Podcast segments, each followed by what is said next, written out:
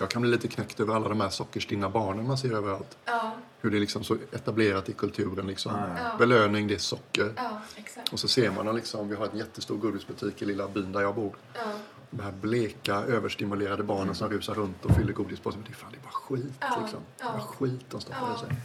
det är väldigt sorgligt Ja. faktiskt. Ja. Ja. Men det är en annan podd. Ja, precis. Sockerpodden. Det är Mat! Först gör ni sojpodden, sen gör ni matpodden. De är ju faktiskt ganska tätt förknippade i vissa Ja, människors liv. ja, det är sant.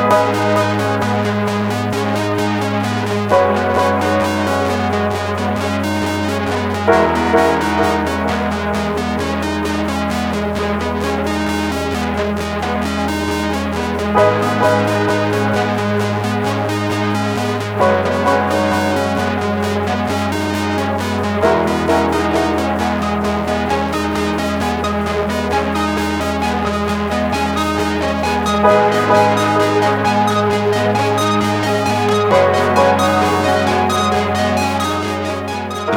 Sorgpodden med Desiree och Christian. En plats om det allra svåraste i livet. Välkommen.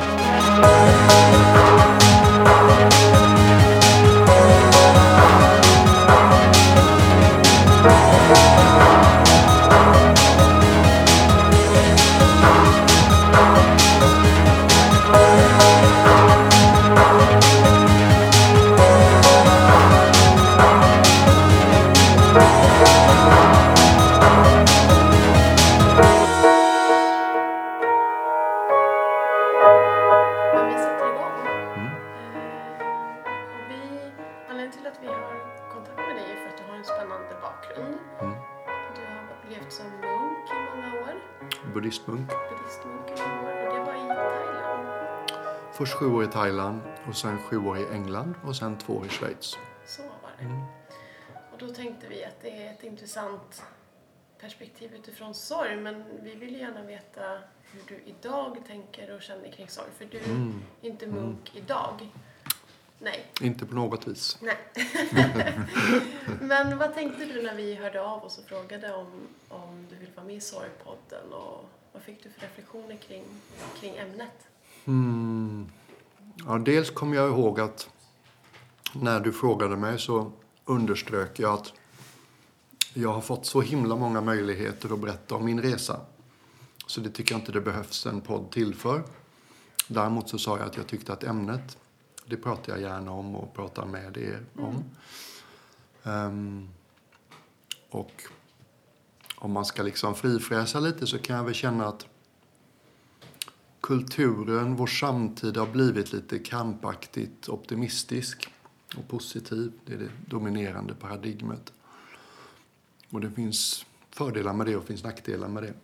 En av nackdelarna är att många av oss kan lite sådär förbise de delarna av oss inuti som periodvis inte känns så himla optimistiska och positiva. Det kan till och med skapas en kultur där det är någon slags personligt nederlag. Mm kan upplevas som det. Och bära på tunga, svåra känslor. Mm. Och många av oss är lite försiktiga med hur och när vi tar upp dem. Därför att då dela en svår känsla vi bär på och sen inte bli mottagna av dem vi väljer att dela det med på rätt sätt. Då får man nästan känslan att det varit bättre om jag var tyst och inte sa någonting. Eh, Och sån är jag också. Mm. Och jag har haft mer än min, eller ja, mer än, jag vet inte. Jag har haft min beskärda del av sorg genom livet. Och en av sakerna man ägnar sig en hel del åt som munk, det var ju att möta det som är jobbigt inombords. ja, så det är ett ämne som intresserar mig. Absolut. Ehm, och jag skulle vilja att det fanns mer av ett klimat i vår samtid av att det anses okej och normalt och, och ta fram de bitarna i oss som gör ont. Och de handlar ju oftare om sorg än om någonting annat, upplever jag. Eh, Så de här erfarenheterna av sorg, är det någonting som du vill dela med dig så här av? Eller vad du har lärt dig av dem? Du behöver inte prata om dem, Mm. vad det var. Jag är ganska transparent som person. Jag har inte mycket som jag gömmer i ett skåp. Um, alltså för det första vill jag understryka att jag är ingen expert på sorg. Och jag har inte psykologens vokabulär. Men eh, Jag minns till exempel första gången som jag älskade en kvinna. Hon var inte en kvinna, hon var en flicka. Vi var unga. Och vi var tillsammans på ett sätt som alla våra kompisar i mellanstadiet tyckte var rätt konstigt och ovanligt. Eh, och så tog det slut efter ett år. Och jag vet inte om du kan känna igen dig i det, men jag upplever att kanske har jag aldrig älskat så oåterhållet. För jag visste inte ens, jag visste inte ännu hur det känns att bli avvisad eller dumpad. Så att det fanns inte den rädslan och den rädslan håller oss tillbaka i en kärleksrelation såklart. För vi vet hur ont det gör när det tar slut liksom. Om det tar slut på ett sätt som inte är bra för oss. Um, jag tror mamma och pappa är okej okay med det. Jag har alltid varit så lite drama queen. Säg att jag var 12-13 år när hon dumpade mig. Och jag låg och liksom hulkgrät hysteriskt på vardagsrumsgolvet hemma. Och jag grät så mycket så jag fick näsblod. Oj! Snacka om sorg. Ja. ja, det var sydländskt liksom. Ah. och, så, eh, och pappa han kör en klassisk manlig respons på sorg. Han går till det filosofiska mm -hmm. och säger ungefär att men Björn, du vet, en flickor är lite som spårvagnar. Om en har gått så kommer det alltid en ny. Den hjälper Den hjälpte inte. Nej. Och mamma gjorde något vad vi skulle kunna stereotypa som väldigt kvinnligt. Hon levde sig in helt och hållet i känslan. Och då blev hon så knäckt och hon började gråta hon med. Och det hjälpte inte riktigt heller, även om det var gulligare liksom och sådär. Så att jag minns det som två sådär nästan ska vi säga, arketypiska sätt vi kan svara in när någon annan, på någon annan sorg som står oss nära. Mm. Att antingen så liksom går vi vilse för att vi blir så känslomässigt uppfyllda. Eller så backar vi lite och säger något mer filosofiskt. Och det är ju temperament och kön och sådär. Mm. Um, Men vad hade du behövt då? Ja, det är väl det som alla behöver alltid. Mm. Att någon möter oss precis där vi är och inte för en nanosekund kommunicerar värdering, bedömning, analys. När någon inte gör det till ett hjälplöst offer, någon försöker bygga upp dig, utan du bara känner att den här människan har kapaciteten att bara vara med mig, precis som jag är. Mm. Och det är inte bara någonting vi hoppas från en annan människa, ett sånt passage. Det är ju någonting vi i bästa fall också kan göra för oss själva. Mm. mm. Och jag har haft sådana människor omkring mig. Jag har varit ganska välsignad med människor som har kunnat möta mig på det sättet. Mm. Dels liksom i munkvärlden, dels personliga vänner. Och dels har jag så många periodvis tagit hjälp och sökt mig till vet, terapeuter. Um. Varför är vi generellt sett så dåliga på det då, som mottagare? Ja. En bra fråga. Dels tror jag att det finns i samtiden en grundläggande rädsla för att känna. Mm. Mm. Det är som att jag backar lite instinktivt. Oj, vad ledsen du är. Mm. Så, shit, här får jag hålla på mitt lite. Jag är inte säker på att jag vill dras in i den. Sorgen har ju ofta, om man liksom verkligen lyssnar inåt på sorgens väsen och gestalt, så är den väldigt heltäckande. Liksom ibland jag har lärt mig att lyssna inåt på mitt känsloväder på ett sätt jag aldrig fick lära mig som ung, utan som jag lärt mig i munkvärlden. Och sorgens, sorgens första statement när jag öppnar mig för den tycker jag kan vara ungefär Jag är stor som hela havet och du är bara en liten flotte och jag kommer svälja dig. Liksom. Det är som att vara i käftarna på något. Så mycket just av att möta sin sorg, det är att liksom hitta någon slags mod inombords. Mm Ja, jag vet att rösten säger att det är så himla stort och jag tappar all kontroll. Jag vet inte vem jag är om jag möter det. Och det är ju lite samma som vi kan känna inför någon annan sorg, att vi är lite skraja för det. Um.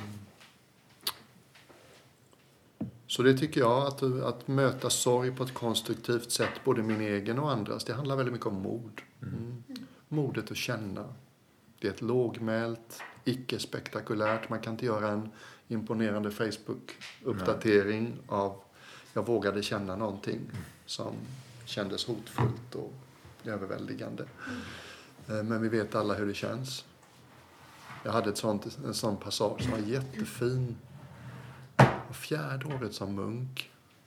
Och jag bodde i Bangkok. Det var typ andra och fjärde året som munk. Normalt sett så bodde jag med västerländska munkar för det mesta.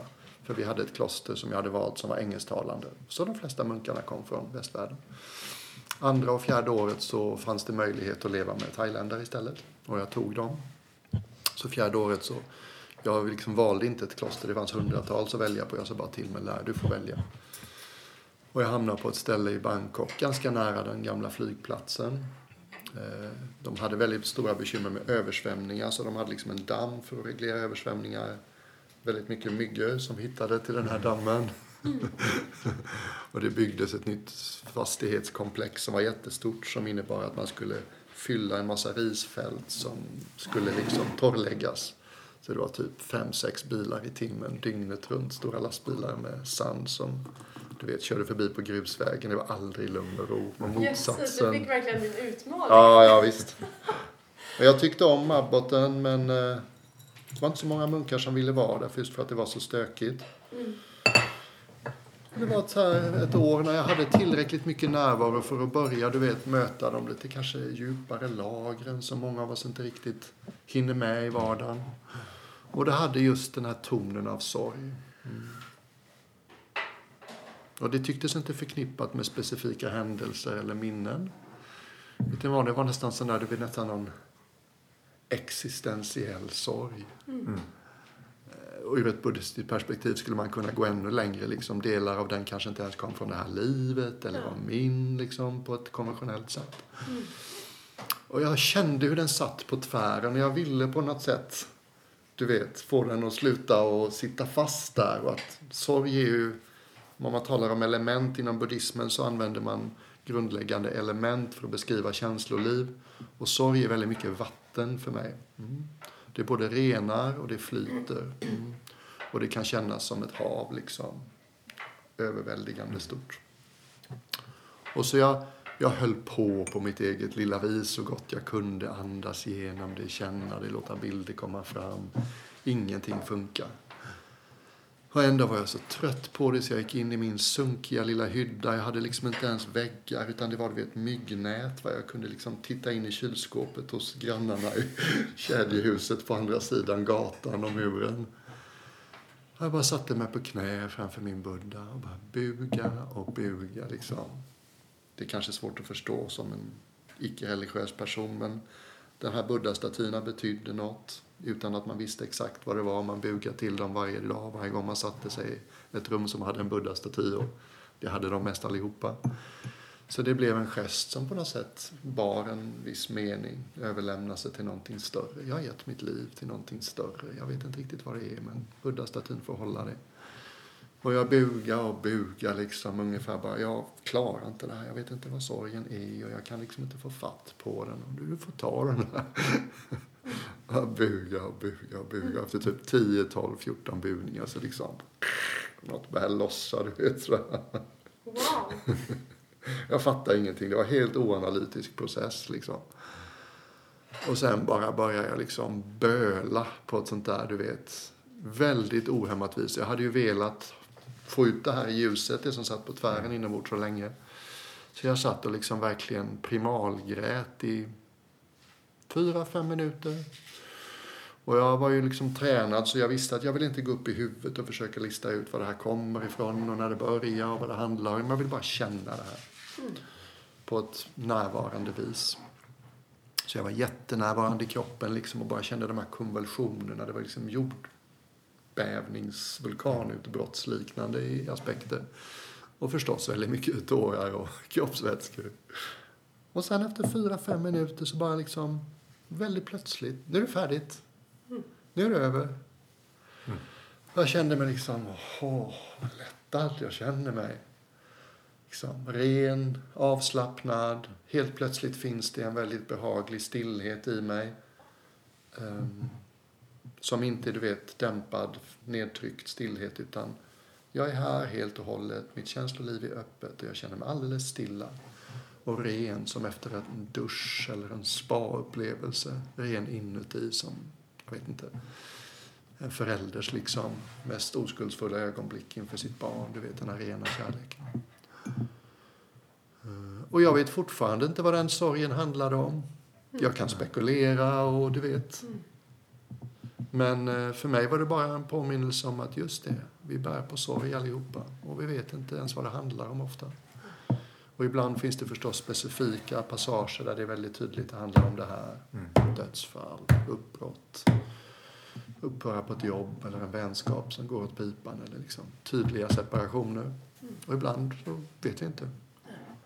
Om man tittar på mycket liksom poesi finns ju liksom ett vemodigt melankoliskt stråk i mycket av det som berör oss i litteratur och böcker och musik. Och jag kommer ihåg när jag kom hem då, hade varit munk i 16 år och kraschlandade i Sveriges novemberverklighet 2008. Det är sorgligt. Helt jävla hjälplös. Ja, ja, verkligen. Du vet, inga pengar. Meritförteckning såg väldigt konstig ut. Eh, Jag kunde inte sova ordentligt för jag hade fått en konstig autoimmun sjukdom så de gav mig en massa kortison så du vet man blir liksom glömmer hur man gör djupsömn. Blev mer och mer deprimerad, kände mig mer och mer misslyckad, drog mig mer och mer tillbaka, skämdes över att jag inte liksom var den här glittrande lilla visdomspärlan i soffan som man tänker sig att man i bästa fall skulle vara efter 16 års personlig utveckling på heltid. Och då gjorde jag såna grejer som att jag tittade väldigt mycket på tv-serier och film. Och det var som att de hjälpte mig. Varenda gång, du vet, då var jag förstås ganska känslig för jag hade liksom vant mig, vi var väldigt öppen i 16 år. Det var ju lite kul, man har missat alla bra rullar på 16 år. Och lärde, mig att att fil, lärde mig att fildela ganska snabbt. och började liksom, du vet, konsumera. Och det var så himla, jag var faktiskt så här, tacksam mot Hollywood. Jag, hade, jag kände mig så pressad och hotad och liten och misslyckad så att det var svårt eh, att möta min egen sorg. Eh, men filmerna hjälpte mig, du vet. Det kommer passager där så börjar man gråta för att filmen är riggad så att det är där man ska göra det. Eh, Men såklart, det är som på en begravning. Först tror vi att vi gråter kring personen som vi just idag minns. Och sen upptäcker vi att vi sitter ju alla här och gråter över våra egna liv. va. Personen som begravs just idag är bara en ursäkt för att få gråta av sig. Så det blev som en ventil? Ja, absolut. Och inte som en flykt, för det kan man ju tänka också att man kan... Jo, då, Ja. det fanns flykting, du vet. Liksom, Inga pengar, november, Ja. eller ja, svensk vinter. Så dåligt självförtroende så jag vågar inte ens tänka på skulle jag någonsin kunna få ett jobb av någon någonsin igen. Kanske jag kan få bli snickarlärling eller städare, du vet. Det fanns ju liksom ingen självkänsla just då. Ehm, Så att visst, flykt. Men jag tror flykt är underskattat. Jag tror det är perioder vi behöver flykt. Eh, Jag tror vi ska inte glömma det. Det är helt okej att ta till flykt ibland. Ja, men det är väl en helt full naturlig del av sorgeprocessen också. Eller Utan att vara expert på Ja, ämnet så Ja. Kan ju det verkligen behövas. Mm. Att man inte just där och då har eh, den sinnesnärvaron eller lugnet att kunna bearbeta allting. Ja, visst. Det är ju också ett sätt att bearbeta. Exakt. Och ibland bara ta sig, du vet, när man är djupt deprimerad, ta sig igenom dagen. Ja. Hur liksom tar jag mig igenom dagen utan att följa mina mörkaste tankar? Och visst, jag hade mycket närvaroträning och mörkret blev ju så liksom becksvart på natten ofta. Vaknade liksom alltid alldeles för tidigt. Då liksom var det några timmar när man bara låg i sängen och andades och försökte att inte följa de här tankarna om framtiden som var så himla mörka. Så att det fanns ju gott om tid för det också, men jag tror inte, för mig funkade det inte morgon till kväll liksom hela tiden vara så förtvivlat närvarande och ansvarig. Det finns ju något i oss som också bara behöver kickback liksom, få slappna av. Du vet, jag kommer säga, de enda människorna jag orkade umgås med när det var som värst, det var ju mamma och pappa. Liksom en bra fredagkväll på den tiden, det var ju ett par starköl till middagen och sen fredagsfinalen av Så mycket, ja, Vem vet mest och sen vad hette det, Så ska det låta eller något. Du vet det här Peter Settman-programmet med kunde jag sitta och vara lite starstruck med de här vackra begåvade kvinnliga svenska sångerskorna liksom. lite fluffigt Disney, Disneyflykt en stund. Och det tror jag absolut. Det är som att när vi blir som mest tyngda, vare sig det är sorg eller depression, det är som att vår kropp nästan låser sig i lägen som är djupt mör- obehagliga. Och en sån löjlig enkel grej som en Hollywoodrulle liksom, eller några vackra svenska kvinnor som sjunger fint på TV. Det är som att man hjälper kroppen att komma ihåg, just det. det, jag är inte alldeles låst till sorgens och depressionens läge. Just det, så där känns det för kroppen när det lättar lite. Eller vet, i sorg och vara med vänner som får oss att skratta. Jag vet ju få saker som är så läkande som ett duktigt magskratt. Liksom. Och de vännerna som hjälper mig till det, de har ju en speciell plats i hjärtat på något vis. Och under vissa perioder så kan jag känna, shit vad länge sedan det var jag hade ett rejält magskratt. Du vet. ja. Men jag tänker... Jag fick en tanke där, för när vi, i början när vi pratade, då jag tänkte på när du satt där och, och verkligen kom åt den Ja, här ja, primalgråten. I Thailand, munk. Ja, precis.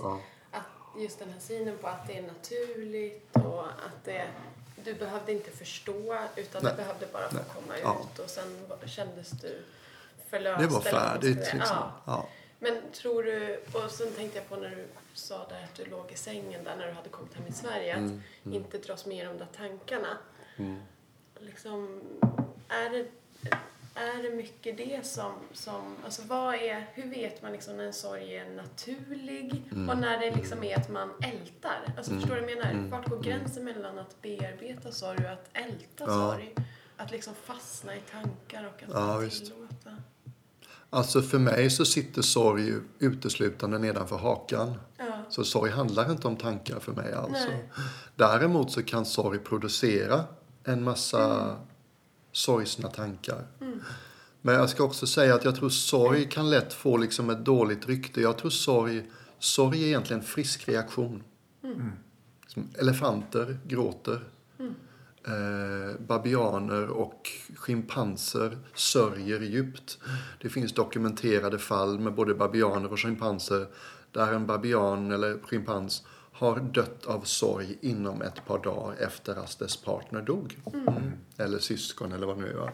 Elefanterna kommer tillbaks och minns den som dog där. Och människor till exempel. Det finns fantastiska filmer på Youtube eh, sjölejonmammor som uppenbart visar alla tecken på djup sorg när barnet blir tagen av en killer whale, orka.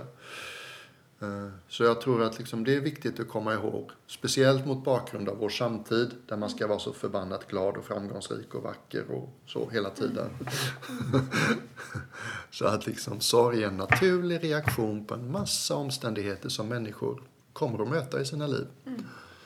Ehm, någon klok person sa låt sorgen sätta sig på din axel men låt den inte bygga ett bo på ditt huvud. Lite sådär va. Så att, eh, ja, att vi liksom när, när det är dags att sörja, känna sorg och verkligen komma ihåg att det är viktigt, det är nyttigt, det är hälsobringande. Sorgen påminner mig om att jag är en människa. Att jag är mänsklig. Att jag upplever separation som plågsamt. Att jag saknar det eller de som inte jag har tillgängliga längre. Vare sig det är dödsfall eller romantisk eller vänskaplig separation. Så det tror jag är steg ett, att komma ihåg. Sorg är någonting som är fint, vackert, naturligt och mänskligt. Det gör mig till människa. Ehm, och sen så möta den då inte så mycket som tankarna på den, för då tror jag det är som du säger, det kan lätt gå till älta. Jag har mött människor som tycks påminna sig varje morgon innan de tar på sig kläderna och äter frukost om något orättvist som hände dem för 30 år sedan. Och det leder till bitterhet. Och det är, jätte, det är jättesorgligt. För att det är onödigt och det, det, är liksom, det stänger ner så mycket i en människa. Eh, Så att min, eh, min upplevelse kring sorg är just att den måste mötas där den sitter. Och den sitter liksom här, i- i bröstet. Inte bara i bröstet, men jag upplever att mitt känslocentrum finns trots allt där. Ehm, jag hade en bror som, jag har tre bröder. En av dem hade två barn. Och sen så gick hans ena barn, en pojke som heter Jesper, gick bort i en hjärntumör för några år sedan. Och det är klart att man som närstående, dels påverkas man ju känslomässigt och dels vill man ju så gärna kunna hjälpa till. Men jag kommer ihåg liksom det finaste minnena jag har med min lillebror under den här perioden. Det var ju typ, vi kunde sitta och käka lunch tillsammans när jag var i Stockholm. Vi sa inte mycket, men du vet på något sätt kan samtalet gå till den här eh, delade vetskapen att det slutar nog med att Jesper dör. Och han är så klok så han behöver inga råd. Ja, det var inte mycket jag behövde säga, men vad vi gjorde var att vi satt liksom och grät tyst tillsammans över dagens lunch. det var så här, och vi visste bägge att det är precis vad som behövs. Ja, Mm. det är som det är. Ja, att man liksom, det tror jag är en gåva vi kan ge varandra allihopa. Att jag har plats inombords. Jag är stor nog. Jag är en sån person som man kan gråta lite med. Mm. Och det kan man inte fejka liksom. Människor har långa bullshit-antenner. Men om man vill liksom känner att man vill hjälpa andra så är just det, mm, sån vill jag vara. Mm. Det, vill jag, det vill jag se till att jag är en sån. Och det kände jag, det var ju som en gåva jag fick av min bror. Och han har sånt förtroende för mig. Han känner sig så avslappnad med mig. Och vi har en okomplicerad relation. Den är liksom byggd på kärlek och ömsesidig uppskattning och har alltid varit. Så att det förvånar mig inte, men det var ändå väldigt vackert i stunden. Ja, vilken förtroendeförklaring, vilken vänskap. Mm. Här sitter vi och gråter i lunchtallriken bägge två. Mm. Och inget större behov av att säga något om det efteråt eller vad var det som fick dig att gråta eller du vet, det var inte så mycket analys eller snack kring det. Det var bara, ja just det. Vi är tillräckligt trygga med varandra för att kunna göra det. Så att jag blir ju lite enformig liksom i mitt sätt att prata om det men jag får ju då, då, då och då får jag rollen som så här, den visa personen mot tanke på min bakgrund och sådär. Ja, du är någon som man nog kan prata med när man har det svårt. Folk vänder sig till, till mig i sådana lägen. Man får vettiga råd av. Ja, de hoppas på det. Jag tycker inte riktigt att det är min styrka. Jag, min styrka är egentligen i en grupp, sådär, då vaknar jag till. Jag tycker inte jag är så bra på dialog. Och sen blir jag alltid lite nervös för jag har inga formella eh, kvalifikationer för det heller. Men jag försöker svara an generöst. Och titt som, och ibland så tänker jag, vad är det egentligen jag vill säga till de här människorna som kommer till mig med? Och det är ju ofta någon slags sorg.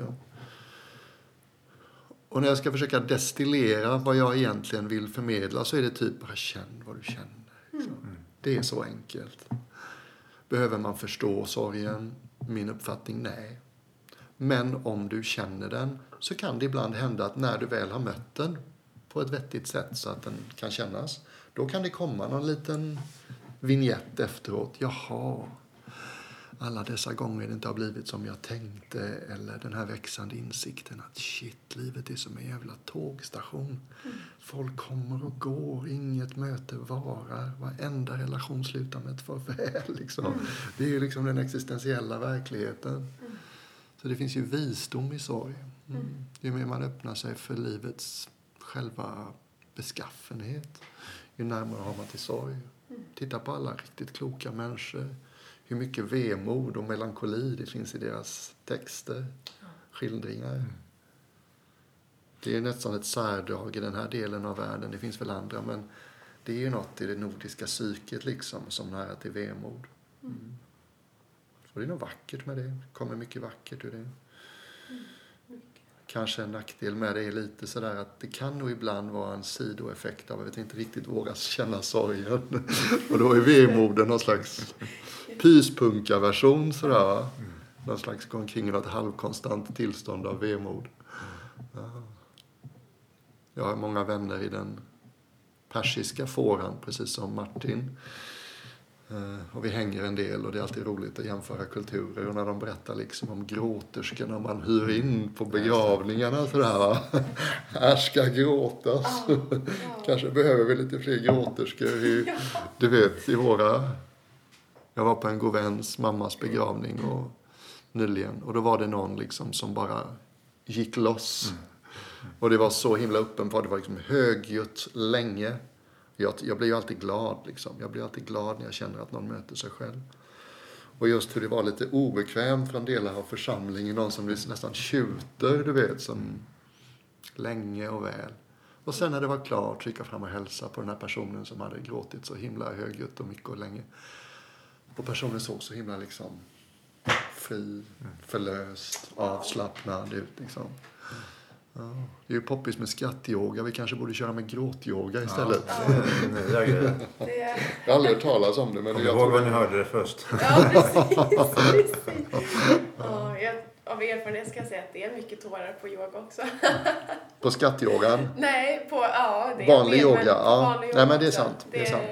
Man jobbar ju mycket med kroppen Ja, och ja, visst. Men jag tänkte så fint när du beskrev, du och din bror satt där på den här lunchen. Mm. Tror du att vi har för lite tid idag, eller för lite närvaro idag för sorgen?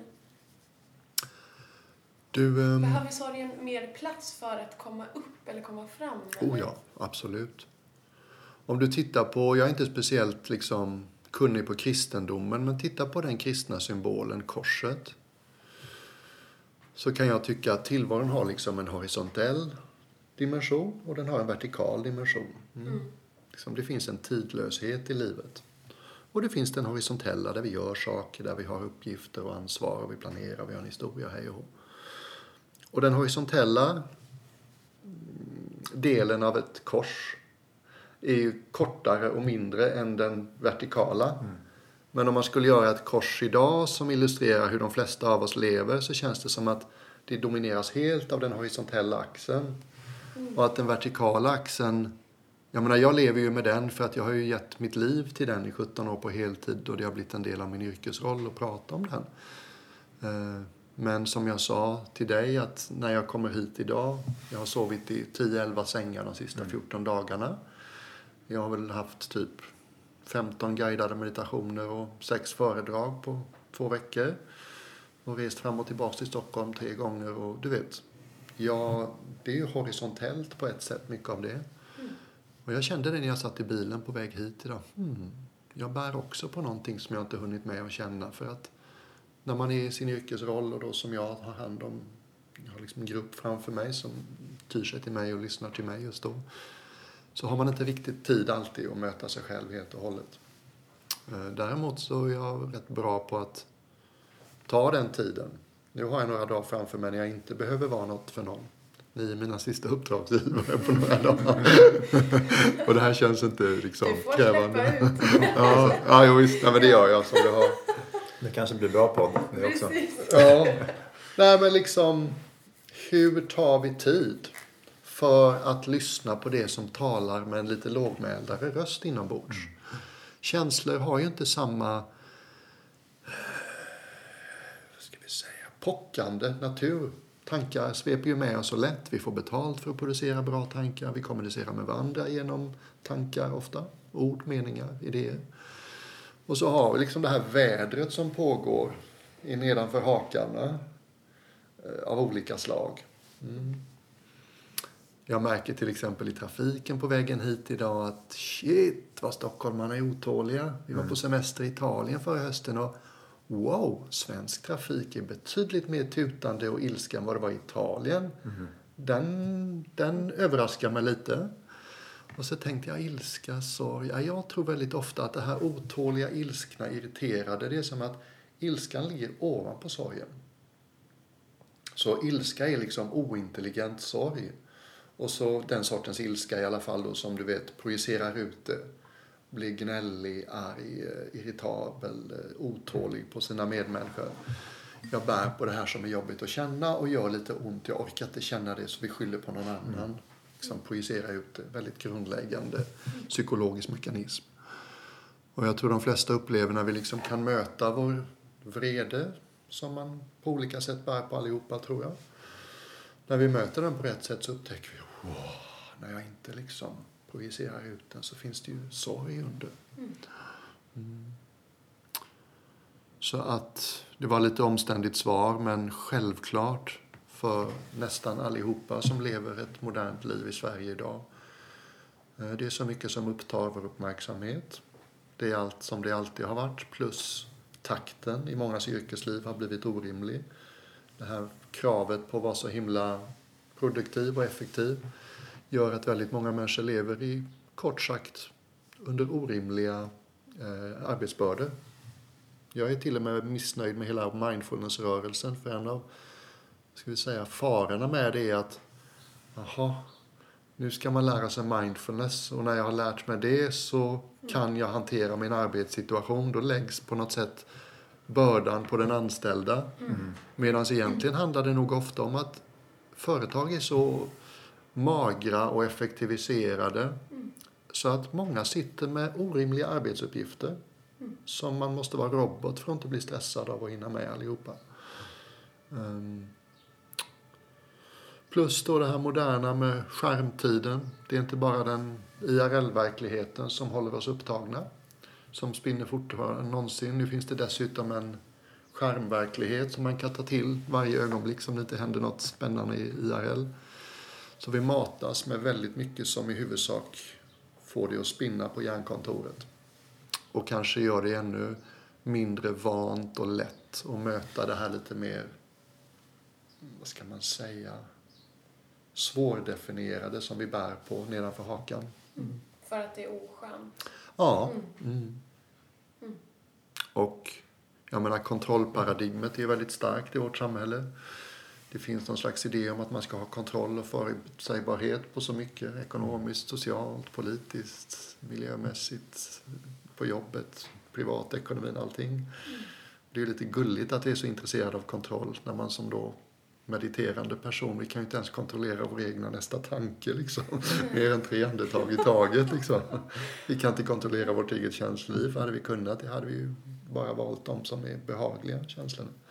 Och så går vi ändå omkring och tror att vi kan utöva någon liksom, komplett kontroll på våra liv. Um, så att ja, absolut. Det är väl därför som jag får mycket att göra med retreats och sånt där.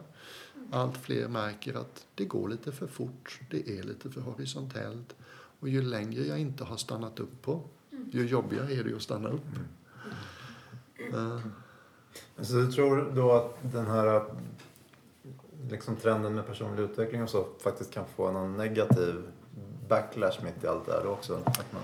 Alltså det kan ju bli det här liksom att pimpa personligheten. Mm. Nu ska jag bli en ännu mer imponerande person genom att lära mig några nya snygga psycho moves. Va? och en sån underbar idé som inom buddhismen är jättestor, att släppa taget om tankar som gör oss illa. Du talade tidigare om att älta. Och jag tror att det är kanske översimplifierat, men ett sätt att sammanfatta Buddhas hela meddelande är ungefär att det är inte världen omkring oss som gör livet svårt för oss. Det är hur vi förhåller oss till vad som händer, inte minst med tankar. Vi tenderar att identifiera oss med tro på en massa tankar som egentligen gör oss illa. Älta är ett exempel på det. Oroa sig, gräma sig, hej och um, men även en sån fantastisk teaching kan ju liksom tas upp på fel sätt. Och så säger folk att de släpper taget om en tanke som de inte vill bära. Men vad de i själva verket gör är förtrycker tanken och vägrar att känna liksom den medkommande känslan. Mm. Så att en sånt enkelt uttryck som att släppa taget som är poppis just nu, det är en konst. Mm. Det är en konst. Det är inte att förtrycka. Det är inte att byta en tanke till sin motsats, lite sådär äppelkäckt, tänk positivt. Mm. uh, utan det är konsten att faktiskt vända sin uppmärksamhet mot någonting annat. Mm. Till exempel andetaget som du vet från yogan, kroppsförnimmelse. Byta kanal på den inre fjärrkontrollen om du vill. Så släpper man taget om en tanke. Mm. Men man kan inte bara skygga från den. Mm. Um, så att det är poppis i samtiden. Det är väl etablerad kunskap att det egentligen i huvudsak vårt eget tankeliv som gör oss illa, inte vad som händer oss i världen omkring oss. Mm. Men det räcker inte med att förstå det intellektuellt. Hur gör man det? Mm. Men då kan det också bli farligt om man i kombination med att faktiskt ha en, en alldeles för hög arbetsbörda rent objektivt mm. egentligen. Mm, att man då tror att det är ens eget fel. Exakt. Man, ja, det är just ja. det jag menar. Om jag inte var klar mm. med det. Eh, jag checkade frukost idag med eh, Lasse Lycknell, en forskare på Handel som är forskare inom just det här mm. området. Han berättade att det finns en rörelse som har en hel del invändningar mm. mot sättet på vilket mindfulness har införts i arbetslivet på många mm. ställen. Mm. Och jag är inte så kunnig på det men jag, jag var intresserad av att mm. lyssna när han pratade om det. Ja. Det är som allting, du vet, det kan användas för bra och dåliga ja. grejer. Det är vad man gör mer. Ja. Mm. Vad, vad, tror du händer med oss då om man ser det här liksom vertikala, jag säger som ett roder kanske då, som styra oss. Ja, det är en dum, det gillar jag. Det gillar jag. Eh, jag plockade upp båten häromdagen. Där såg jag det här stora. Eh, Man märker ju inte det när man är ute och seglar men det är en Precis. Gud, fantastisk vilken bra liknelse. tingest där nere som gör Ja. att, båten faktiskt ligger Ja. någorlunda. Eh, vad tror du händer med oss människor i den här samtiden då om man, om man kapar rodret och liksom kör utan det? Jag skulle säga att din förmåga för medkänsla och empati med andra står i direkt proportion till din förmåga att möta dig själv Mm. känslomässigt. Och blir det så att vi vänder oss vanemässigt bort från det som är jobbigt att känna, vilket är lättare att göra än någonsin, för det går så fort nu för tiden och för det finns så mycket annat att distrahera sig med och bedöva sig med. Ehm, så förflackas du känslomässigt och förlorar delar av din förmåga att känna med compassion, medkänsla, känna med din medmänniska. Och det är ju en fruktansvärd förlust. Det är ju bland annat därför som vi ser så mycket idiotlösningar på mm, humanitära problem. Så, hur smart behöver man vara för att fatta att en gammal förvirrad människa inte kan ha tre olika människor som kommer hem och hjälper dem en vanlig dag. Och att de tre människorna växlar från en vecka till en annan. Och hur smart behöver man vara för att fatta att är man gammal och sitter isolerad i en lägenhet så räcker det inte bara med att få disken diskad och tvätten tvättad och maten lagad. Man behöver lite mänsklig kontakt också. Och när det har bortrationaliserats så har samhället blivit rätt hårt. Är ju så här vardagsexempel på vad som händer i ett samhälle som inte betonar och värdesätter människans mänsklighet och empatiska förmåga. Ehm, Jag menar som ung munk då i Thailand, jag växte upp i en familj där man vi tävlade om allting, du vet. Det var golf, vi tävlade, vi tävlade skidåkning, vi tävlade fotboll, vi tävlade basket, pingis. Vi kunde inte ens spela Monopol utan att det blev en ganska allvarlig tävling.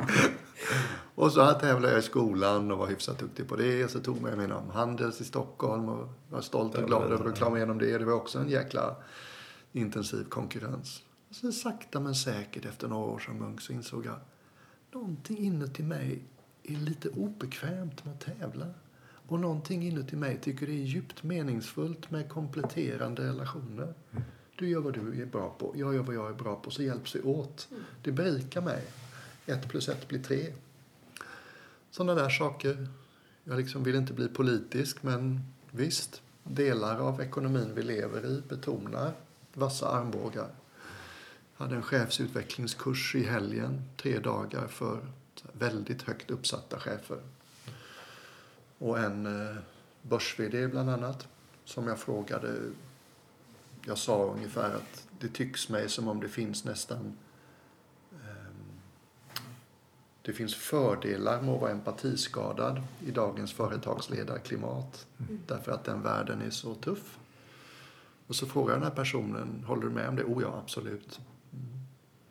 Och sen frågar den här personen, om du tänker efter, skulle du kunna ge en andel av hur många av de höjdarna i näringslivet som du tycker liksom har någon slags skada i psykopat empatiregistret? Och den här personen var tyst en stund och sa, ärligt talat, jag har rätt svårt att hitta någon som inte är det när jag Ja. tänker efter. Ja. Och det säger ju något. Intressant. Och jag vill inte göra det som ett statement, men Nej. jag lägger märke till att så sa den här personen. Ehm, och vi kan ju se det, vi ser ju liksom alla nu sociala medier och sånt där när man lägger märke till att någon mår jättedåligt och alla bara går förbi. Så vill man ju inte leva. Ehm, Så visst. Och vad är ditt och mitt ansvar? Jag, jag är liksom inte, kanske låter konstigt, men jag har inte en världsförbättrande impuls.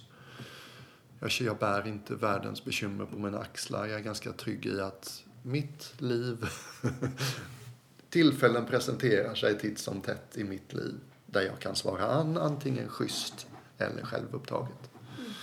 Det är det jag tar ansvar för. Och sen råkar det ju ha blivit så att jag får liksom väldigt mycket utrymme. Det är många som är villiga att lyssna på vad jag har att säga. Och det tar jag ju ansvar för så gott jag kan och försöker se till att vad jag säger faktiskt gör världen lite ljusare. Så att där är en ny roll som jag känner mig lite så här, oj, överraskad i. Ehm,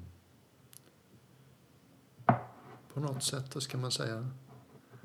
Jag gjorde mina första visitkort för några år sedan. Vad ska man ge sig själv för titel, du vet, i min roll sådär. och till slut så, jag skrev dem på engelska på den tiden, för det var innan jag liksom hade hittat min nya yrkesroll. Och flesta av mina vänner var ju munkar och nunnor och människor jag hade mött i mina kloster i engelsktalande delen av världen, så jag skrev det på engelska. Och då gav jag mig själv tre titlar och den sista och viktigaste det var Fellow Human Being. Ja. Som du frågar, du vet, vad ska vi göra åt det faktum att klimatet hårdnar på vissa sätt i samtiden? Ja, glöm inte att du är medmänniska. Mm. Ja. Fortsätta vara medmänniska. Inte låta sig bländas av de senaste managementteorierna och de polerade framgångssagorna utan bara mm. Jag vill ta mitt sista andetag. Se tillbaks på ett liv och säga no regrets. Mm. Jag gjorde vad jag kunde. Mm. Så mycket tillfällen där jag valde liksom den fina vägen. Och när jag säger no regrets så menar jag inte att man ska omkring och vara nervös för att göra fel utan klok nog att förstå att jag gjorde vad jag kunde. Jag är inte perfekt. Jag har aldrig påstått det. Men på något sätt, jag har den referensen varje dag. Som munk så var man såklart, liksom, som buddhist var man såklart uppmanad att tänka på döden. Det gjorde vi varje dag. Nästan regelmässigt. Vi sjöng ju på morgnarna innan vi började meditera.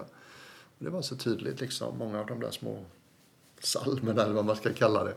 Buddha var väldigt tydlig med det. Det är berikande och stärkande och gör dig klokare. Och komma ihåg att det kommer att ta slut en dag. Mm. Uh, och det har jag som en referens. Nu, vad vill jag se tillbaks på? Mm. Och det där liksom, jag har ju fått någon slags kändisskap nu. Och det är ju verkligen fluff, du vet, spunnet socker. Va? Man får fluffa till i den där världen. Liksom. Det finns ingen egentlig djupare näring i det. Därför är det som spunnet socker, men det är färgstarkt och uppmärksammat. Liksom. Ja, exakt. men, eh, vad ska vi säga? Det är inte där jag värdesätter mitt eget liv, liksom, eller yrkesliv heller.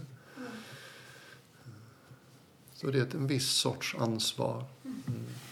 Vi har inte ansvar för att lösa världens problem. Men vi har ansvar för att svara an på ett bra sätt eh, gentemot allt det som dyker upp i vårt liv.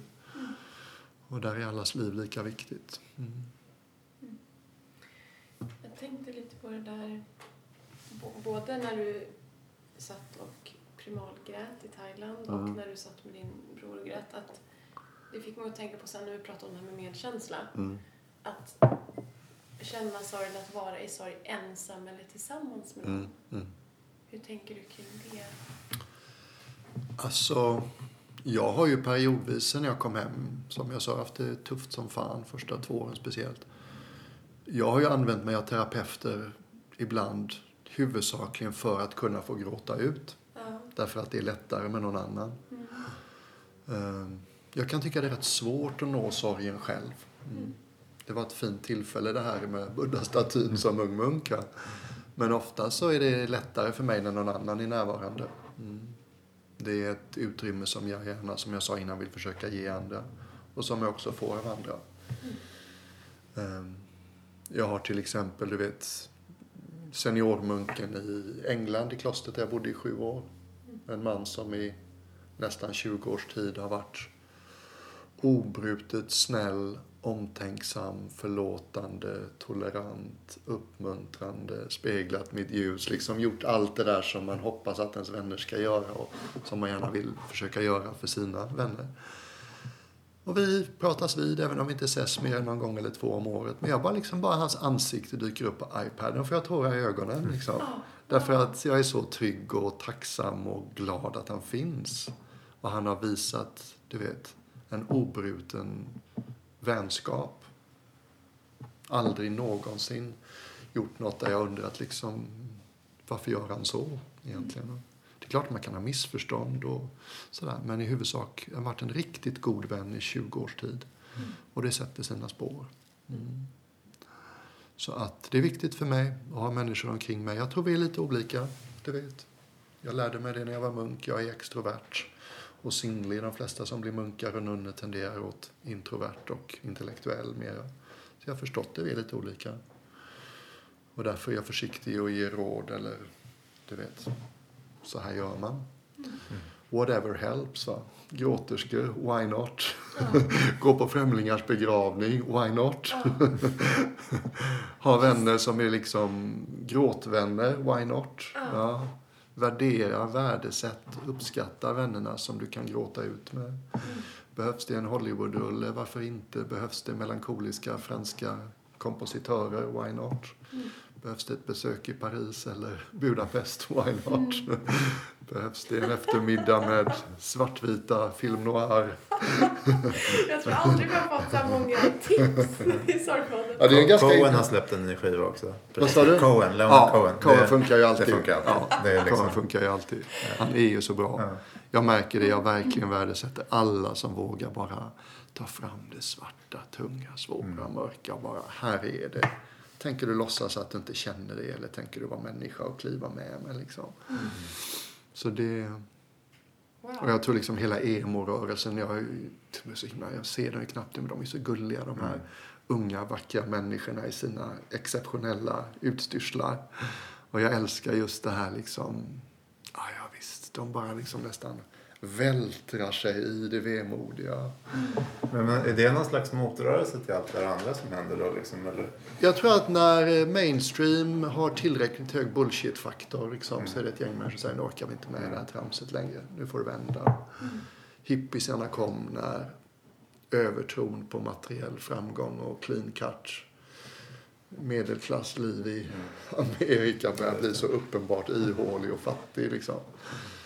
Och sen på 70-talet när det började vända och folk trodde att du vet bara vi skapar en tillräckligt stark ekonomi och alla är välutbildade och polerade så kommer alla bli lyckliga. Då kom punkrocken och sa lägg ner liksom. Tror ni på de barnsagorna? Så det är friskt liksom, bara mot rörelserna. Sen kan det bli någon slags egen projekt som går att bli lite väl inåtvänt och narcissistiskt också. Så funkar ju kulturer. Tes, antites, syntes, tes, antites, syntes. Wow. Vad roliga, vad bra ni är. Jag pratar om massa grejer som jag inte har pratat om innan. Det är jättekul. Ja. Och så är kaffet väldigt gott också. Men om du skulle få koka ner det till något eller ett par eller tre brukar det vara ibland. Folk tycker tips på hur man ska liksom... Det är alltid så på slutet Ja, av intervjuer. Man ska Ja. säga något kort och kärnfullt. Det är min Ja. svaga punkt. Um, ett. Tro inte på den delen av sorgen som säger jag är så stor och du är så liten och jag kommer svälja dig. För den delen gör att du blir rädd för att känna vad du känner. Och känner du inte vad du känner så surnar det till inombords och gör det illa på sätt vi inte riktigt förstår. Tips två.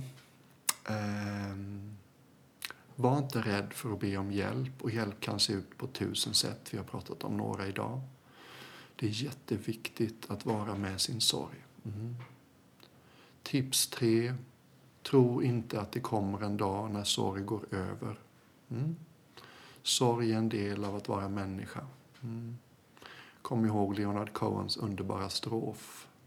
Ring the bells that still can ring. Forget your perfect offering. There's a crack, a crack in everything. That is how the light gets in. Det är sorgen, ärren, det tuffa som har hänt som gör oss till människor och som ger oss djup och förmåga att leva oss in i andras tuffa stunder. Sorgen ska vi bära som, ett, som en medalj. Wow! Amen.